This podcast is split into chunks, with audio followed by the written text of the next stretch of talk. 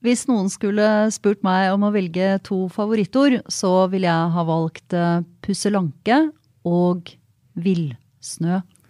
Og hvis jeg skulle bli bedt i den samme øvelsen, så er det tusj og auflauf.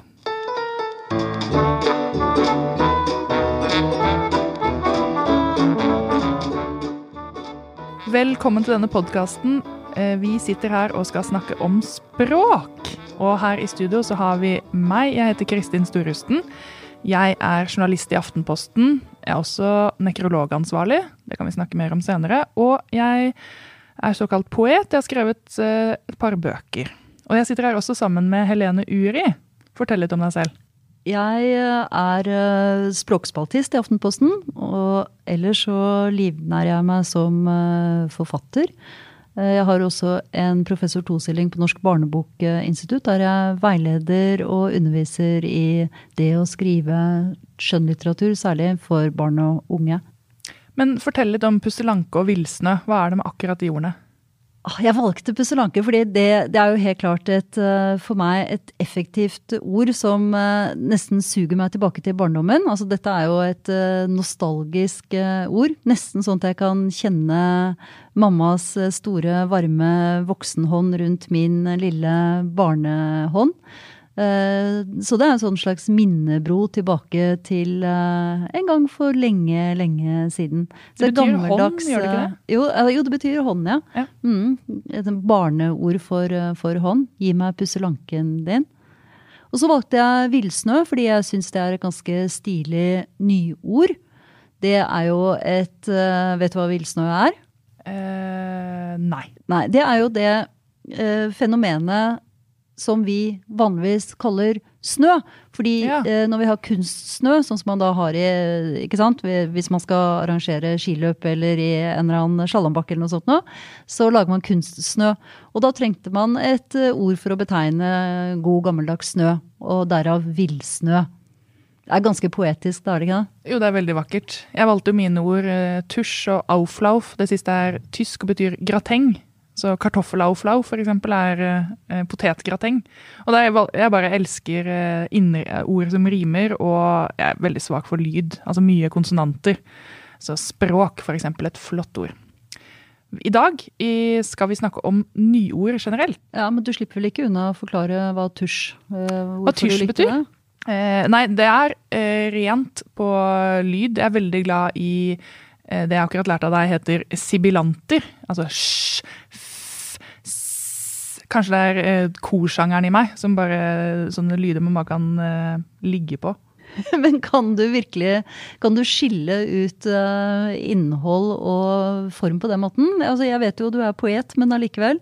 Ja, jeg gjør det veldig. Jeg så det var en sånn undersøkelse av folks favorittord ja. uh, for 15 år siden, hvor ordet som vant var kjærleik. Ja. Og kjærleik er jo et fint ord og alt mulig, men jeg tenkte nei, men her, her, er det jo selve ordet du liker. Hvis du sier at du liker ordet sommer best, så er det jo ikke Det er jo innholdet i det. Det er innholdet, ja. Men så jeg tar ut liksom bare språklyden. Jeg er sånn glad i sånn knæsj og vipp chips og ja, mye sånne og hva heter de ordene som skal Onomatopoetikon. Ja. Onomatopoetikon er et veldig flott ord i seg selv, hvis jeg kan føye noe til listen. Før vi snakker oss helt bort, i dag skal vi snakke om nyord.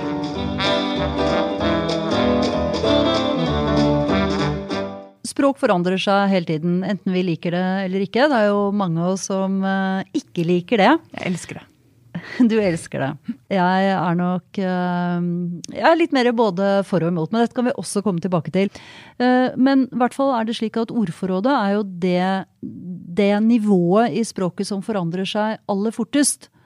Ikke sant? Hvis vi tenker oss at vi går 120 eh, år tilbake og møter Amalie Skram, så er det klart at vi vil jo forstå henne. Hun vil forstå oss bøyning, eh, setningsoppbygning, uttale.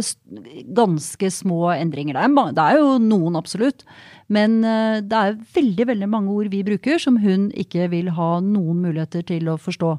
Teflonpanne og podkast og maskara og ja, kollisjonspute og solfaktor og jeg vet ikke hva. Nå ser jeg for meg en veldig veldig rar samtale mellom deg og Amalie. Ja, altså, hva slags situasjon du skulle få behov for å si kollisjonspute og maskara i samme sammenheng? Det, Ja, nei, ja, Det er kanskje andre ting jeg ville diskutert hvis jeg hadde vært så heldig å møte Amalie Skram, altså ekteskapsromanen hennes og sånn. Men, men uansett, poenget er at vi får nye ord når vi får nye fenomen. Eh, ikke sant? Ny, nytt fenomen, da trenger vi et eller annet eh, nytt ord for det. Så det er jo én måte vi får nye ord inn i språket på. kan det være omvendt? Hvis man har et så godt ord at man kjenner at det må finnes en ting. At ordet kan komme før eh, tingen i seg selv? Dette har vel Astrid Lindgren skrevet om i Pippi? Hun Ja, det er sant. Hun Og skal hun gikk ut på og jakt etter en spunk. Ja, Mm. det er sant. Men den tror jeg må tenke meg om på. Altså om det noen gang er sånn at man har et ord, og så skal man finne et fenomen som passer til ordet. Det er, jeg klarer ikke å ta det helt på sparket, i hvert fall. Kanskje vi skulle funnet på et ord, og så kan vi eh, finne ut hva det skal være. Ja. Og så har det jo det at uh, man får et nytt fenomen, og så blir det en ordforskyvning, akkurat sånn som vi hørte i sted, med snø. Og så får du fenomenet kunstsnø, og så dannes da villsnø for å betegne det som før bare het snø. Og det samme kan man jo se på telefon. Telefon var telefon da jeg var liten. Nå kaller vi den telefonen de fleste av oss bruker hele tiden for mobiltelefon, eller da bare telefon, og da trenger vi jo et annet ord for å betegne den gode, gammeldagse, nå snart eh, utdøende fasttelefonen. Eh, Men også tenk på sånn som eh, slå på tråden, da, som er kanskje en litt sånn gammeldags måte å si ringe på. Uh, Og det er jo fordi Hva man kan det? Da må man ha slått på en tråd da, i gamle dager. Eh, hvordan, Nå ser jeg for meg sånn der, eh, at man har en kopp inntil øret, og at eh, Ja, sånn det var da jeg var liten, da. Ja, nei, men altså Her vi Her tyr jeg nå til eh, mitt aller beste språkverktøy, Norske Akademis eh, ordbok, naob.no. Fritt tilgjengelig for eh, alle. Helt fantastisk. jeg tenker vi skal ha en, altså I denne podkasten skal vi ha en form for drikkelek. Hver gang du henviser til naob.no, så kan alle sammen ta seg en støyt, og da kommer folk til å være altså så pussa på slutten av sendingene. Er det alkoholholdig drikke? Nei, ikke alkohol. De kan ta en støt med kaffe, kanskje. Kaffe, Passer, ja, eh, nettopp. Men her, i hvert fall, i Norske Akademis ordbok, så står det at eh, ordet kommer av at man eh, tidligere eh, fikk forbindelse med sentralen ved å slå med en metallarm på telefonen. ja. Ja, Så poenget er i hvert fall at her har vi et eh, uttrykk som vi ikke Man gjør det ikke på den måten lenger, men man kan likevel bruke det. Så Men ja, for apropos telefon, så er det jo Jeg prøvde å forklare min datter, som er seks år, eh, at i gamle dager så hang telefonene fast i veggen. Altså Litt som om de ligger til lading hele tiden. og Hun skjønte, altså hun syntes det hørtes så forferdelig upraktisk ut. og jeg måtte forklare henne at, For det er jo også litt sånn språk som har forsvunnet. at Da jeg var liten, så tok vi telefonen, og så var man ikke sikker på hvem man møtte i den andre enden. Så det var på en måte en liten sånn samtalepassiar. Mens nå så vet du jo stort sett, altså med mindre det er sånn Nå tar jeg telefonen fordi og der forsvinner det på en måte sånn liksom, kommunikasjonsmåte. Nå snakker vi om hvor er du, eller har du tid Ja. til å snakke nå. hva Men- skjer, hvor er du? Ja. I stedet for å presentere hvem man er, hvis ikke det er et, eh, en fremmed som ringer. Da. Ja, det Ja. er ganske pussig. Og i samme, altså nå, Siden all min språkutvikling er i samarbeid med barn, så prøvde jeg å forklare henne ordet video. Vi hørte på, eh, vi hørte på Jan Eggum sin 'Hvor er alle helter hen?' og det er, avsluttende med, det er jo en nostalgisk sang, da. Og han avslutter med at 'nå er onkel Lauritz på video'. Og hun lurte på hva i alle dager er video, og da Ja. fikk jeg sånt anfall av 'nå føler jeg meg gammel'. Så prøvde jeg å forklare henne at i gamle dager så gikk vi i en butikk, eller egentlig en utleie, og så lånte vi en ganske stor svart boks og viste den ganske stor, og så puttet vi inn en enda større svart boks, og det var den eneste måten vi kunne se film på. Og Hvor- før så var jo onkel Lauritz, altså den gamle barnetimehelten, han var jo i radioen. Det var jo der han satt inne i radioen da jeg Men var hvordan kan han være på video hvis han Ja, dette må du forske videre på, men eh, han er en radiohelt.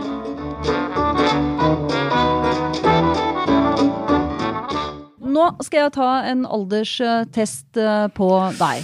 Mm, fordi eh, min mor hun sa f.eks.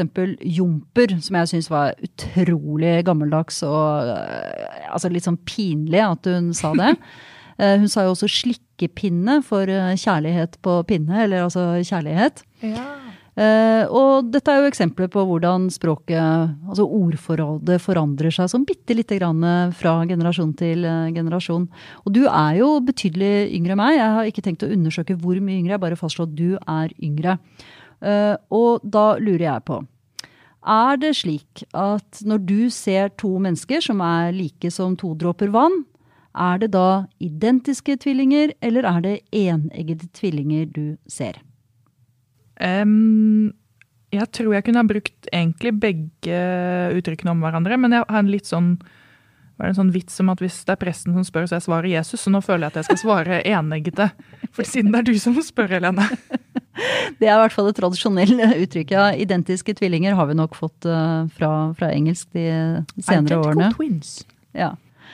Og hvilken av disse uttalelsene kunne du ha vært tilbøyelig til å bruke? A. Jøye meg, det ansiktsuttrykket hans var ubetalelig. Eller B. Wow, ansiktsuttrykket hans gjorde dagen min. Ja, Det er en helt klar og tydelig B. Jeg kunne ha brukt A litt sånn ironisk. Jøye meg! Men eh, ja, wow og Men, nei, fordi gjorde dagen min, det er jo nokså nytt i norsk. Altså fra made my day, ikke Ja, sant? nettopp. så det er jo et, eh, det vi kaller oversettelseslån. Altså der man tar et eh, uttrykk fra engelsk, og så oversetter ord for ord til eh, norsk. Og som vi ser mer og mer av i norsk. Jeg har i en eller annen sammenheng kalt det for snikanglifisering, for vi legger nesten ikke merke til det. Nei, for det klinger veldig godt i munnen. Det er på en måte ord vi allerede har, så bare setter vi dem sammen. Jeg Ja. sier jo eksempel også at det var min kopp te. Det sier du. Ja, det sier Ja. jeg. Eller så tuller jeg litt med det. Så er det sånn det er min kopp kakao eller min Sier kopp du at noe er bare blåbær eller bare peanøtter? Eh, bare blåbær eller bare Jeg tror jeg aldri kunne brukt eh, Nei, okay. bare agurk. Nei, jeg vet ikke. Hva, hva Ja, for peanuts er engelsk, Ja. men vi skal egentlig si bare blåbær. Ja, jeg tror kanskje det er den Ja, klassiske matmåten Nei. å si det på på norsk, i hvert fall. Vi skal Men- ikke dømme her. Ja. Men kan du si at du har lært noen den harde veien? Noen harde veien. Du har, Ja, det kunne jeg sagt eh, på en eh, Men så vil jeg tenke meg om. Jeg tør vedde på at de fleste ordene som vi bruker i dag, de er ikke vedtatt i et styrerom av menn i dress som skal tjene penger på dem. Men det er noen ord som er det. Og det er et eh, nyord som driver og kommer nå, f.eks. Det er å voie. ja. Fordi, og det betegner da å kjøre en leid elsparkesykkel. Mm. Det korte og greie begrepet. Og det er jo rett og slett fordi Voi er en av produsentene. Har du voiet? Jeg har voiet, Ja. og det var ganske gøy. Men Ja. vi, vi kan ikke, trenger ikke å gå inn i liksom, debatten om hva vi syns om selve fremkomstmiddelet. Men eh, det interessante er at det, er jo sånn fem-seks leverandører av elsparkesykler i Oslo. Men det er og Voie som har satt seg. Så nå kan man plutselig da bruke det ordet, uansett hvilket merke man, eller app man trenger for å komme seg fremover. Og um, et annet ord som driver og setter seg nå, er, vel, det er jo å vippse. Ja. Som nå på en måte egentlig betegner all form for elektronisk Eller det tror jeg kommer til å komme, da. Og min sånn spådom, og her er vi over i hypoteseland, er at det kommer til å kanskje bare utvikle seg til å handle om all transaksjon av penger etter hvert. Mulig. Sånn som Google, som vel har fått den allmenne betydningen å søke på nettet, uansett hvilken søkemaskin du bruker. Ja, det kommer til å handle om all form for søk. Nå kommer det til å være sånn, Hvis jeg spør deg om noe, hvis jeg sender mail til deg og spør om noe, så kommer det til å være å google, for det er å etterspørre kompetanse. Jeg finner ikke sokkene mine, mamma. Du får google i skapet. Litt sånn. Ja, det tror jeg. ok, uansett, jeg vet ikke om det kommer til å skje, men hvis det skjer, så var det her du hørte det først. Og det er jo litt sånn gøy, fordi at når de mennene i dress sitter og Det er sikkert kvinner òg, da, men eh, i drakter. Men når de sitter der og bestemmer ord, så har jo de veldig lyst til at det ordet skal feste seg. De betaler mange, mange penger for at ordet skal feste seg. Men hvis ordet fester seg for godt, da er det plutselig et problem. Hvis folk begynner å bruke det eh, så mye at merkevaren forsvinner i det. Og det skjedde f.eks. med ordet potetgull. Der var det rettssak. Og eh, det er veldig gøy, fordi at når man har en rettssak om potetgull, så høres det litt tøysete ut. da var det Mårud som altså gikk til uh, sak fordi at de ville ha da ene uh, råderetten over merkevare potetgull.